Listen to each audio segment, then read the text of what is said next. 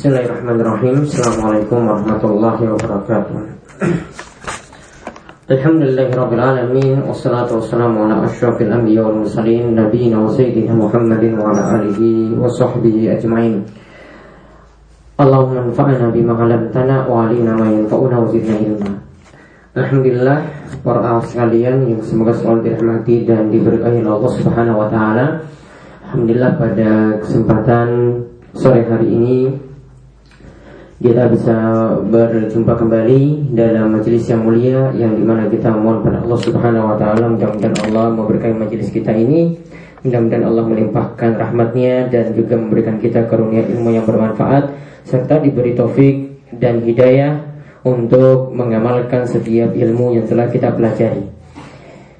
Baik uh, para ahwat sekalian, alhamdulillah pada kesempatan sore hari ini ya dan kami mohon maaf agak sedikit terlambat. Uh, kita akan melanjutkan pembahasan mengenai fikih wanita yang kita kaji dari pembahasan guru kami Syekh Soleh Al Fauzan bin Abdullah Al Fauzan yaitu dari pembahasan dalam risalah beliau yang beliau susun yaitu dengan judul Tanbihat al ahkam min tahtassu bil mu'minat yaitu ya penjelasan-penjelasan tentang hukum-hukum yang khusus bagi wanita mukminat. Pada pembahasan terakhir kemarin kita bahas tentang masalah hijab dan berpakaian. Sekarang kita bahas hukum seputar sholat bagi wanita.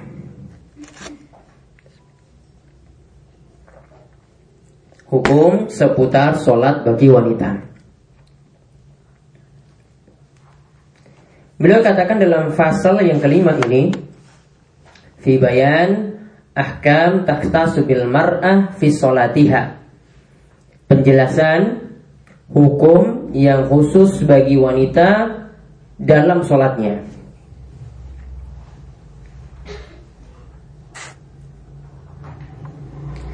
Beliau mengatakan bahwasanya terlebih dahulu beliau menjelaskan tentang urgensi sholat, terutama bagi wanita. Ya, Syekh Saleh Al Fauzan itu mengatakan Hafizi ayatuhal muslimah ala salatika fi awqatiha mustawfiyatan li syurutiha wa arkaniha wa wajibatiha. Hendaklah para wanita muslimah memperhatikan sholat di waktunya dengan memenuhi syarat rukun dan wajib-wajibnya.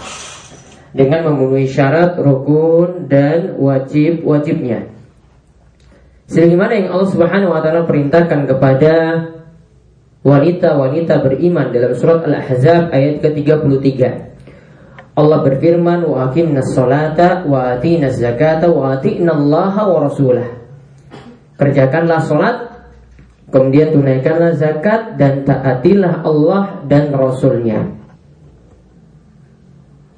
Ini adalah kata beliau perintah bagi wanita muslimah secara umum. Dan kita ketahui bahwasanya sholat itu adalah bagian dari rukun Islam yang kedua. Dan Nabi SAW mengatakan sholat itu adalah amudul Islam, yaitu tiangnya Islam.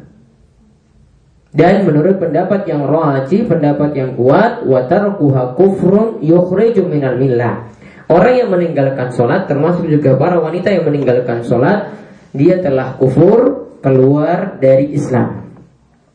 Beliau katakan faladina wala islama liman la salata lahu minar rijali wan nisa. Baik laki-laki maupun perempuan, jika dia itu meninggalkan sholat, maka dia tidak disebut sebagai muslim. Ya, dia tidak disebut sebagai muslim. Jadi di sini catatan penting yang beliau sampaikan bahwasanya orang yang meninggalkan sholat baik laki-laki maupun perempuan itu kafir keluar dari Islam inilah pendapat yang dipegang dalam mazhab Imam Ahmad. Sedangkan mazhab jumhur ulama, mayoritas ulama, ya mereka berpendapat jika orang itu meninggalkan sholat, ya karena malas-malasan, ya dia meninggalkan sholat itu malas-malasan, tahu sholat itu wajib, maka tidak keluar dari Islam, namun terjerumus dalam dosa besar yang paling besar. Namun Allah pendapat dari mazhab Imam Ahmad ini lebih didukung oleh dalil dari Al-Quran maupun dari As-Sunnah, dari hadis dan juga ini didukung lagi kata Ibnu Qayyim didukung dengan ijma atau konsensus atau kesepakatan para ulama. Ya Ibnu Qayyim katakan adalah ijma atau kesepakatan para ulama karena di antara dalilnya di mana Umar bin Khattab itu ketika menjelang meninggal dunia ya saat beliau itu dibunuh ya kemudian beliau memerintahkan para sahabat untuk melaksanakan sholat ketika itu lantas para sahabat telah rampung melaksanakan sholat dan Umar ketika itu berada di rumahnya maka ketika itu Umar mengatakan ya apakah kalian telah menunaikan sholat lalu Para sahabat menjawab, iya sudah. Kemudian Umar mengatakan, la hazza fil Islam liman taraka sholat. Atau dalam riwayatnya lain yang lainnya disebutkan la islama liman taraka. Yang artinya tidak disebut muslim bagi orang yang meninggalkan sholat Atau tidak ada bagian dari Islam bagi orang yang meninggalkan sholat Lalu Ya, jadi kesimpulannya seperti tadi ini menunjukkan bahayanya orang yang meninggalkan sholat dapat menyebabkannya keluar dari Islam. Di sini tidak disyaratkan mesti meninggalkan uh, seluruh sholat atau kebanyakan sholat. Pokoknya satu sholat saja berdasarkan dalil-dalil yang ada sudah dianggap kafir. Lalu Syekh menyebutkan wa ta'khiru shalah an waqtiha min ghairi uzrin syar'iyyin ida'atun laha kalau orang itu mengakhirkan waktu sholat, ya yaitu wanita di sini mengakhirkan waktu sholat tanpa ada uzur syar'i, maka itu termasuk orang yang disebut idha'atun laha, ya yaitu melalaikan waktu melalaikan sholat itu sendiri. Ya di sini kalau pada kasus wanita itu biasanya kalau mereka sudah datang suci, ya sebagian wanita itu biasanya ya pura-pura ya nggak mandi maksudnya nggak mandi wajib dia tunda satu dua hari tiga hari kemudian kalau ditanya ya sudah sholat apa belum? Ah belum. Saya belum mandi. Padahal belum mandinya tadi untuk mandi sucinya ini itu sejak tiga hari yang lalu. Nah ini termasuk dalam hal ini. Ini menunda-nunda sholat. Bahkan bisa kita katakan dia itu meninggalkan sholat dengan sengaja. Nah intinya orang seperti ini yang mengakhirkan waktu sholat dari waktunya ini terkena firman Allah Subhanahu wa taala dalam surat Maryam ayat 59 sampai 60. Allah berfirman, "Fa khalafa min ba'dihim khalfun ada'u sholata wa taba'u syahwat fasawfa yalqawna ghayya illa man taba wa amana wa amila shaliha fa ulaika yadkhuluna al-jannata wa la yuzlamuna syai'a." Yaitu Allah berfirman, dan ada segolongan orang mimba diem setelah mereka. Itu yang ada sholat yang mengakhirkan waktu sholat dan cuma sekedar mengikuti hal nafsu. Fasaufa yalqauna wayya maka dia nanti akan menuai kerugian. Kemudian dikatakan illa man taba. Kecuali orang yang bertobat. Berarti kalau orang tadi melalaikan waktu sholat, mengakhirkan waktu sholat, dosa besar karena dituntut di sini untuk bertobat. Illa man taba, kecuali dia mau bertobat, wa amana dan mau beriman, wa amina salihah dan mau beramal soleh, maka dialah yang nantinya yadkhulunal jannah masuk surga wala yuzlamuna syai'a dan dia tidak akan dizalimi sedikit pun. Nah di sini Ibnu Katsir mengatakan dalam kitab tafsirnya bahwasanya para ulama itu mengatakan itu atau sholat yaitu melalaikan sholat. Yang dimaksudkan di sini adalah melalaikan waktu sholat. Yaitu dia mengerjakan sholat sampai keluar waktunya. Aslinya ini waktu asar. Dia tunda tunda tunda tunda sampai waktu maghrib itu datang. Baru dia kerjakan sholat. Ini ini terancam dengan surat Maryam ayat 59 sampai 60 Sedangkan di akhir ayat ke-59 disebutkan fasaufa yalqauna ghayya. Kelak dia akan menuai goya. Goya di sini salah satu tafsirannya itu bermakna al-khosar, kerugian. Dan goya dalam makna yang lain lagi ditafsirkan oleh para ulama wadin fi jahannam, yaitu lembah yang ada di neraka jahannam. Dan jahanam itu adalah salah satu nama neraka. Ya, jadi ini adalah lembah di neraka jahanam ini disebut dengan ghayyah. Nah setelah itu beliau menunjukkan awalnya di sini urgensi sholat. Jadi bahayanya orang yang meninggalkan sholat dan juga termasuknya bahaya orang yang sengaja mengakhir akhirkan waktu sholat. Lalu beliau menyebutkan selanjutnya tentang hukum sholat yang khusus bagi wanita. Nah penjelasannya berikut ini yang pertama. Nah ini bisa dicatat poin per poin. Yang pertama, laisa 'alal mar'ah adzanun wala iqamatun. Wanita itu tidak perlu mengumandangkan adzan dan tidak perlu mengumandangkan iqamah. Li'annal adzana syuri'a lahu raf'us saut. Karena yang namanya adzan tentu dengan mengeraskan suara.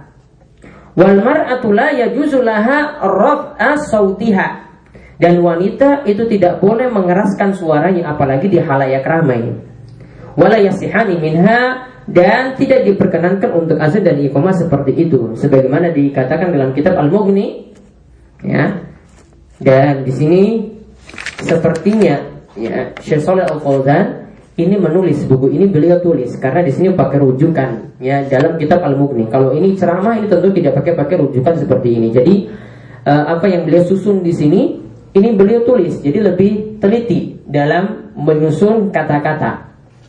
Ya, karena dalam beberapa penjelasan beliau nukil perkataan Syekhul Islam Ibnu dalam beberapa penjelasan beliau nukil dari perkataan Ibnu Qudamah Al-Maqdisi dalam kitabnya Al-Mughni.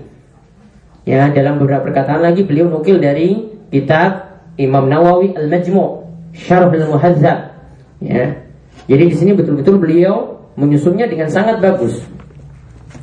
Beliau katakan untuk azan dan iqamah yaitu kalau tadi dikatakan dia tidak disyariatkan bagi wanita, beliau katakan sebagaimana dikatakan dalam Al-Mughni oleh Ibnu Qudamah, la na'lamu fihi khilafan. Yaitu kami tidak mengetahui dalam masalah ini ada khilaf. Jadi sejauh pandangan dari Ibnu Qudamah, Ibnu Qudamah itu katakan bahwasanya dalam masalah ini tidak ada khilaf.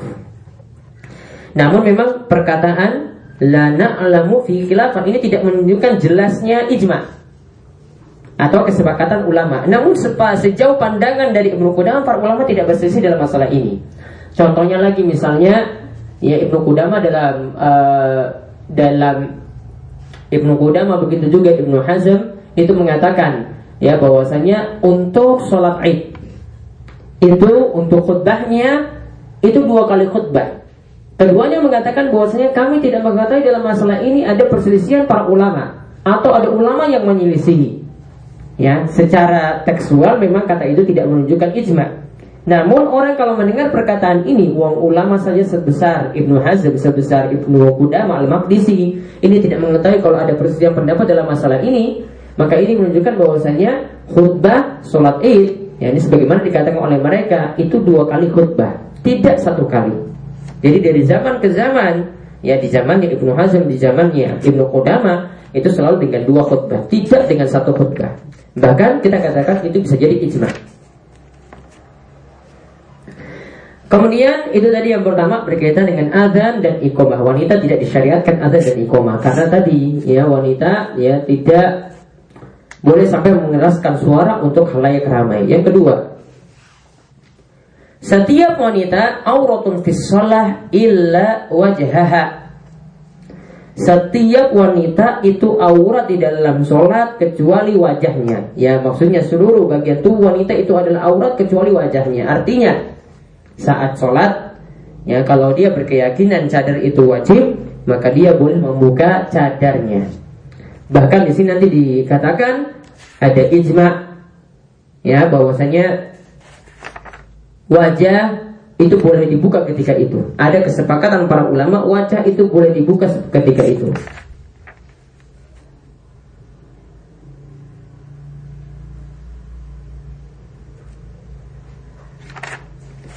Nah, di sini beliau katakan wajah itu boleh dibuka.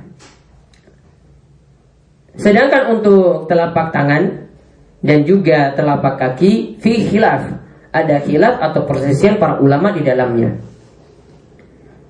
Namun di sini beliau bercatatan wazalika kulluhu haitsu la yaraha rajulun ghairu mahramin laha. Namun di sini dengan catatan itu bisa dibuka wajah tadi atau menurut, pendapat tangan itu bisa dibuka juga ya atau telapak kaki itu bisa dibuka juga itu dengan catatan tidak dilihat tidak dipandang oleh laki-laki yang bukan mahram. Berarti kalau ada laki-laki yang bukan mahram, berarti wajahnya harus ditutup. Beliau katakan fa in kana yaraha rajulun ghairu mahramin laha wajib 'alaiha satruha. Jika yang melihat wanita tersebut itu ada yang lalu lalang di hadapannya ketika dia sholat. Itu adalah laki-laki yang bukan mahramnya maka wajib baginya untuk menutup wajahnya. Sebagaimana dia wajib menutupnya ketika di luar sholat. Dan sini beliau tekankan lagi falabud fi sholatiha min tagtiyati ra'siha wa raqabatiha wa min tagtiyati badaniha hatta zuhuri qadamaiha dan sudah semestinya ketika sholat wanita itu menutup ya kepalanya dengan sempurna. Kemudian menutup pundaknya pula ya kemudian menutup bagian badan yang lainnya sampai pun pada punggung telapak kakinya. Di sini mengenai menutup kepala, di sini sebutkan dalam hadis beliau bawakan sabda Nabi SAW, la yakbalullahu salata ha'idhin illa bihimar. Allah tidak telah menerima sholat wanita yang telah balik karena haid, yang telah balik karena haid, kecuali dengan dia itu menutup kepalanya. Khimar di sini kata beliau maksudnya adalah sesuatu yang menutup kepala dan menutup lehernya.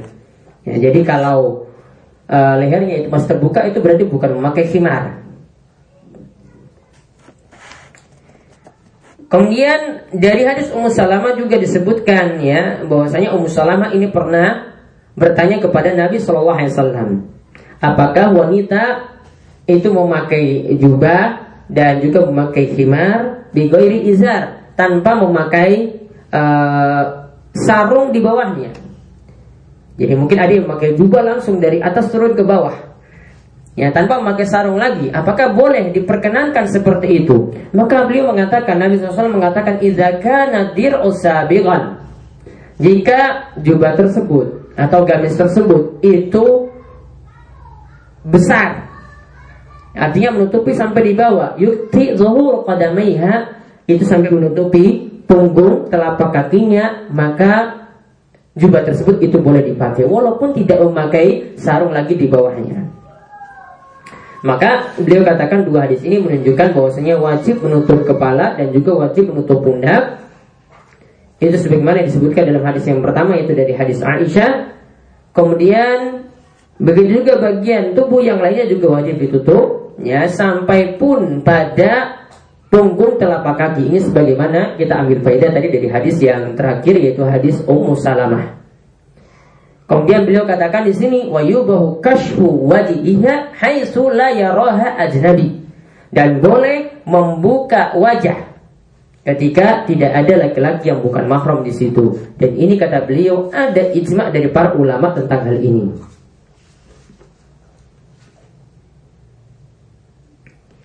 Dan sini Syekhul Islam Ibnu Taimiyah beliau bawakan perkataannya dalam kitabnya Majmu' Al-Fatawa. Itu mengatakan bahwasanya seorang wanita seandainya dia sholat sendirian kanat ma'muratun biktimar. Walaupun dia sholat sendirian tetap wajib menutup kepalanya. Sedangkan di luar sholat ya ya juzullah kashfu fi baitiha. Kalau di luar sholat kalau dia berada dalam rumah dia boleh juga membuka kepalanya. Artinya tidak memakai penutup kepala. Kalau tadi menutup kepala ini adalah hak Allah. Ya, maka beliau katakan, ini kalau seandainya di luar rumah, walaupun di sini dia itu melakukan tawaf, ini kata Ibnu Taimiyah melakukan tawaf di Ka'bah. Di malam hari sendirian, artinya tidak ada orang-orang di situ. Dan ketika itu dia membuka kepalanya itu tidak dibolehkan. Begitu juga ya, walaupun dia sholat sendirian juga dalam keadaan yang membuka kepalanya atau membuka auratnya itu juga tidak dibolehkan. Karena ini menutup kepala ini adalah hak Allah.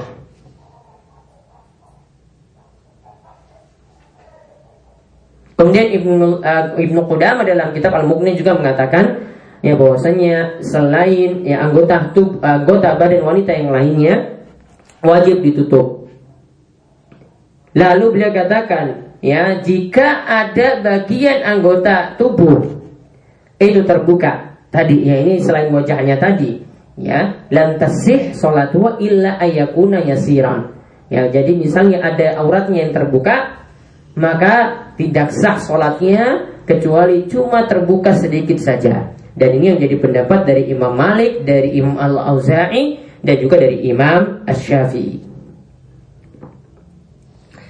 Kemudian yang ketiga,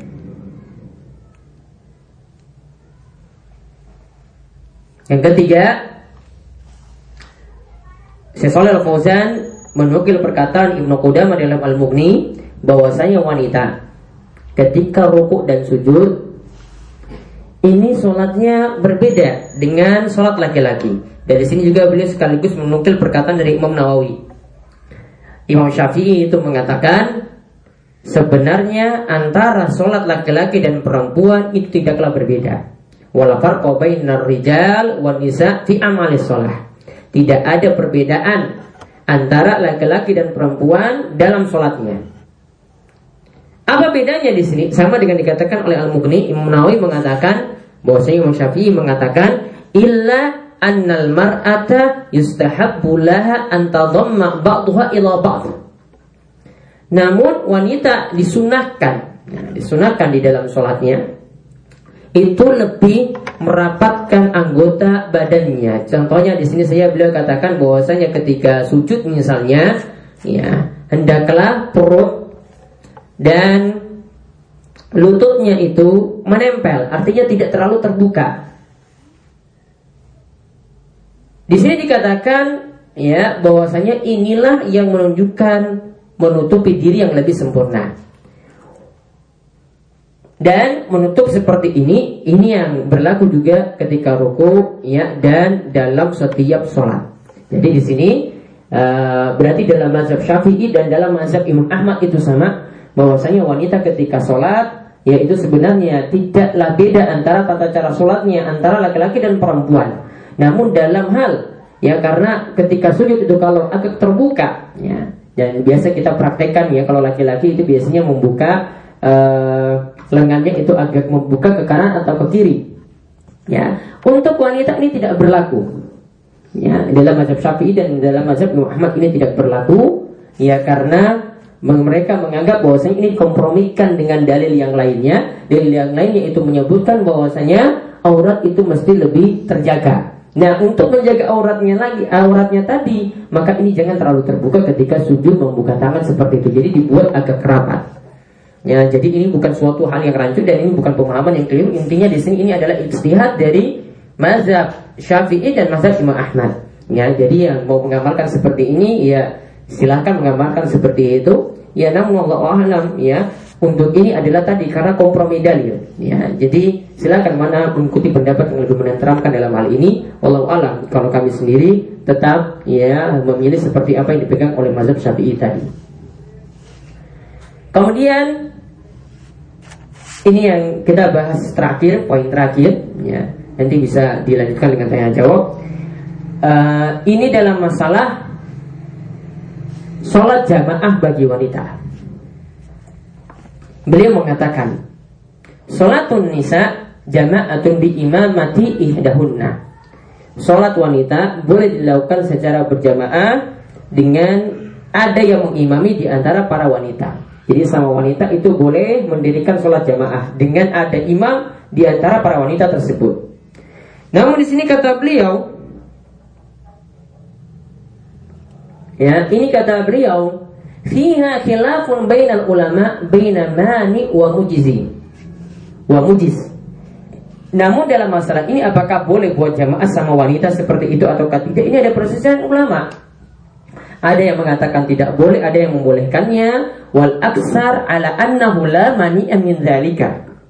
Namun kata Syekh Saleh Al-Fauzan, kebanyakan ulama itu tidak mempermasalahkan ya untuk sholat berjamaah bagi wanita dengan sesama wanita. Alasannya kata beliau karena Nabi SAW itu pernah memerintahkan kepada Ummu Warakah untuk mengimami, jadi dia jadi imam untuk sholat keluarga yang ada di rumahnya.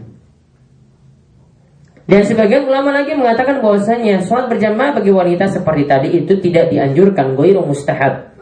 Wa ba'duhum yara annahu makruh dan sebagian lagi menganggap bahwasanya itu makruh. Wa ba'duhum yara jawazuhu fin nafli dunal fardi. Sebagian menganggap bahwasanya itu boleh untuk sholat sunnah, namun untuk sholat wajib tidak diperkenankan.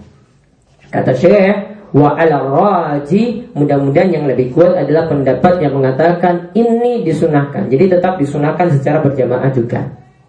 Karena ini kata beliau ya eh, eh, ini faedah dari kitab Al-Mughni maupun Al-Majmu' dari Imam Nawawi ya menyimpulkan seperti itu. Jadi disunahkan wanita juga tetap berjamaah. Artinya untuk mendapatkan atau meraih pahala sholat berjamaah. Lalu bagaimanakah suaranya ketika wanita itu sholat? Apakah dijaharkan ataukah disirkan? Dikeraskan ataukah dilirihkan? Maka di sini beliau mengatakan bahwasanya wa tajharul mar'ah bil qira'ah idza lam yasma'ha rijalun ghairu maharimin. Beliau katakan bahwasanya tetap wanita diperkenankan untuk mengeraskan suara tatkala membaca surat. Selama di situ tidak ada laki-laki yang bukan mahram yang mendengarnya. Selama tidak ada laki-laki yang bukan mahram yang mendengarnya. Nah, ini sampai poin keempat yang beliau sampaikan. Insya Allah pada kesempatan berikutnya nanti uh, karena ini ini yang bahasa yang panjang yang beliau sebutkan tentang adab-adab wanita untuk pergi berjamaah di masjid. Adab-adab wanita untuk pergi berjamaah di masjid. Insya Allah akan kita kaji pada pertemuan berikutnya. Ya, ini demikian. Monggo di antara para ahwat ada yang ingin bertanya, silakan bertanya langsung.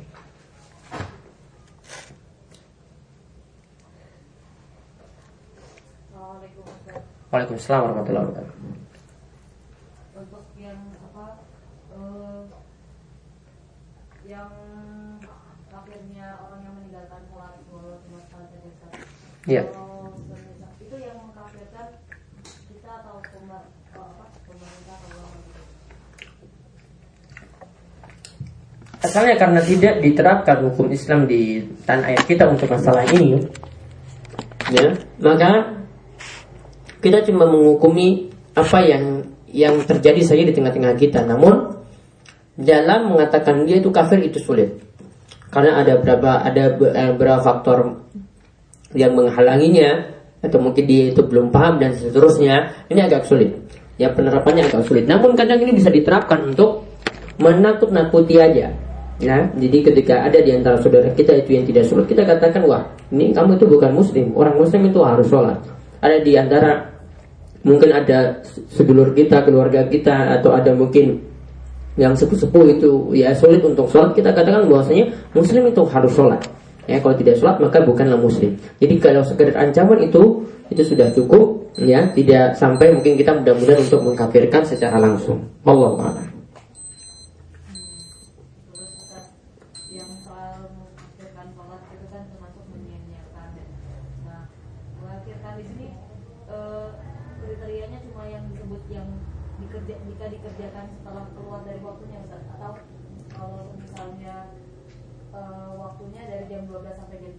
Ya. Waktu itu sholat setengah tiga, uh, misalnya karena tidur sengaja untuk tidur siang dulu atau karena mungkin malas-malasan itu gimana? Walau alam untuk akhwat masih punya waktu yang longgar tadi. Dia ya memang tetap disunahkan di awal waktu. Namun kalau dia nunda jam 2 atau setengah tiga untuk sholat zuhur tidak ada masalah. Selama tidak sampai keluar waktunya.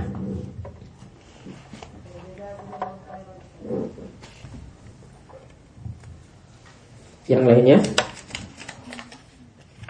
Baik, ada yang tanya ini bagi wanita lebih utama sholat sendiri di kamarnya atau sholat jamaah dengan wanita yang lainnya di dalam rumahnya. Tadi kalau kita lihat dari pendapat Syaikhul Fauzan, beliau katakan disunahkan berjamaah. Namun kalau ingin sholat sendiri ya boleh, ya tanpa berjamaah itu juga boleh, ya cuma disunahkan saja. Artinya kalau ini tidak dilakukan tidak ada masalah. Bahkan tadi kata Syekh al untuk wanita berjamaah itu khilaf. Ada lagi? Assalamualaikum warahmatullahi wabarakatuh. Waalaikumsalam warahmatullahi wabarakatuh. Eh, misalnya kita, misalnya kita eh, di kampus, di musola kampus sholat, eh, sholat antara wanita. Misalnya kita jamaah di kampus misalnya. Terus tiba-tiba eh, di soft laki-lakinya tuh mulai sholat jamaah gitu, mulai mulai takbir gitu. Nah itu apa kita harus? Jadi kan intinya, jadi kayaknya kayak ada dua sholat jamaah gitu. Kalau bisa ya wanita ikut sholat jamaah laki-laki, jangan buat jamaah dua di dalam masjid. Jadi jangan wanita sendiri, yang laki-laki sendiri, kecuali kalau uh, memang ruangannya tidak mungkin untuk kita mendengar wanita itu mendengar sholat jamaah dari laki-laki, suara tidak nyampe, ya terpisah, tidak melihat juga secara langsung. Maka ketika itu ya otomatis ya sholat jamaah sendiri untuk wanita. kalau misalnya kita sholat sendiri di di musola kampus terus ada yang ada yang takbir itu tuh kita harus berhenti sholatnya atau gimana? Jadi kita sudah sholat, Kita udah sholat terus tiba-tiba dari sofa laki-lakinya Allah Akbar udah udah. Oh laki-lakinya sholat masbuk berarti? Sholat nyusul Bukan sholat yang imam rotib di situ. Bukan sholat utama. Kalau seperti itu tidak ada masalah. Kalau yang saya maksudkan tadi Ini jamaah utama Ya sudah azan, ikoma Terus langsung dirikan sholat Maka wanita tidak membuat jamaah lagi di situ Ikut jamaah yang ada di laki-laki Namun kalau untuk laki-laki yang masbuk Walau alam di sini wanita tidak punya keharusan Kalau dia mau ikuti ya boleh Ya kalau tidak juga ya tidak Tidak masalah ada lagi? Terakhir mungkin? Oh, eh, niat? Nah yang awalnya kita sholat sendiri terus Ya. ada jamaah kita mundur terus berubah niat buat ikut sholat jamaah. Boleh seperti itu. Ya merubah niat dari sholat munfarid menjadi sholat jamaah boleh. Ya. ya demikian yang kami sampaikan untuk kesempatan kali ini. Wassalamualaikum warahmatullahi wabarakatuh.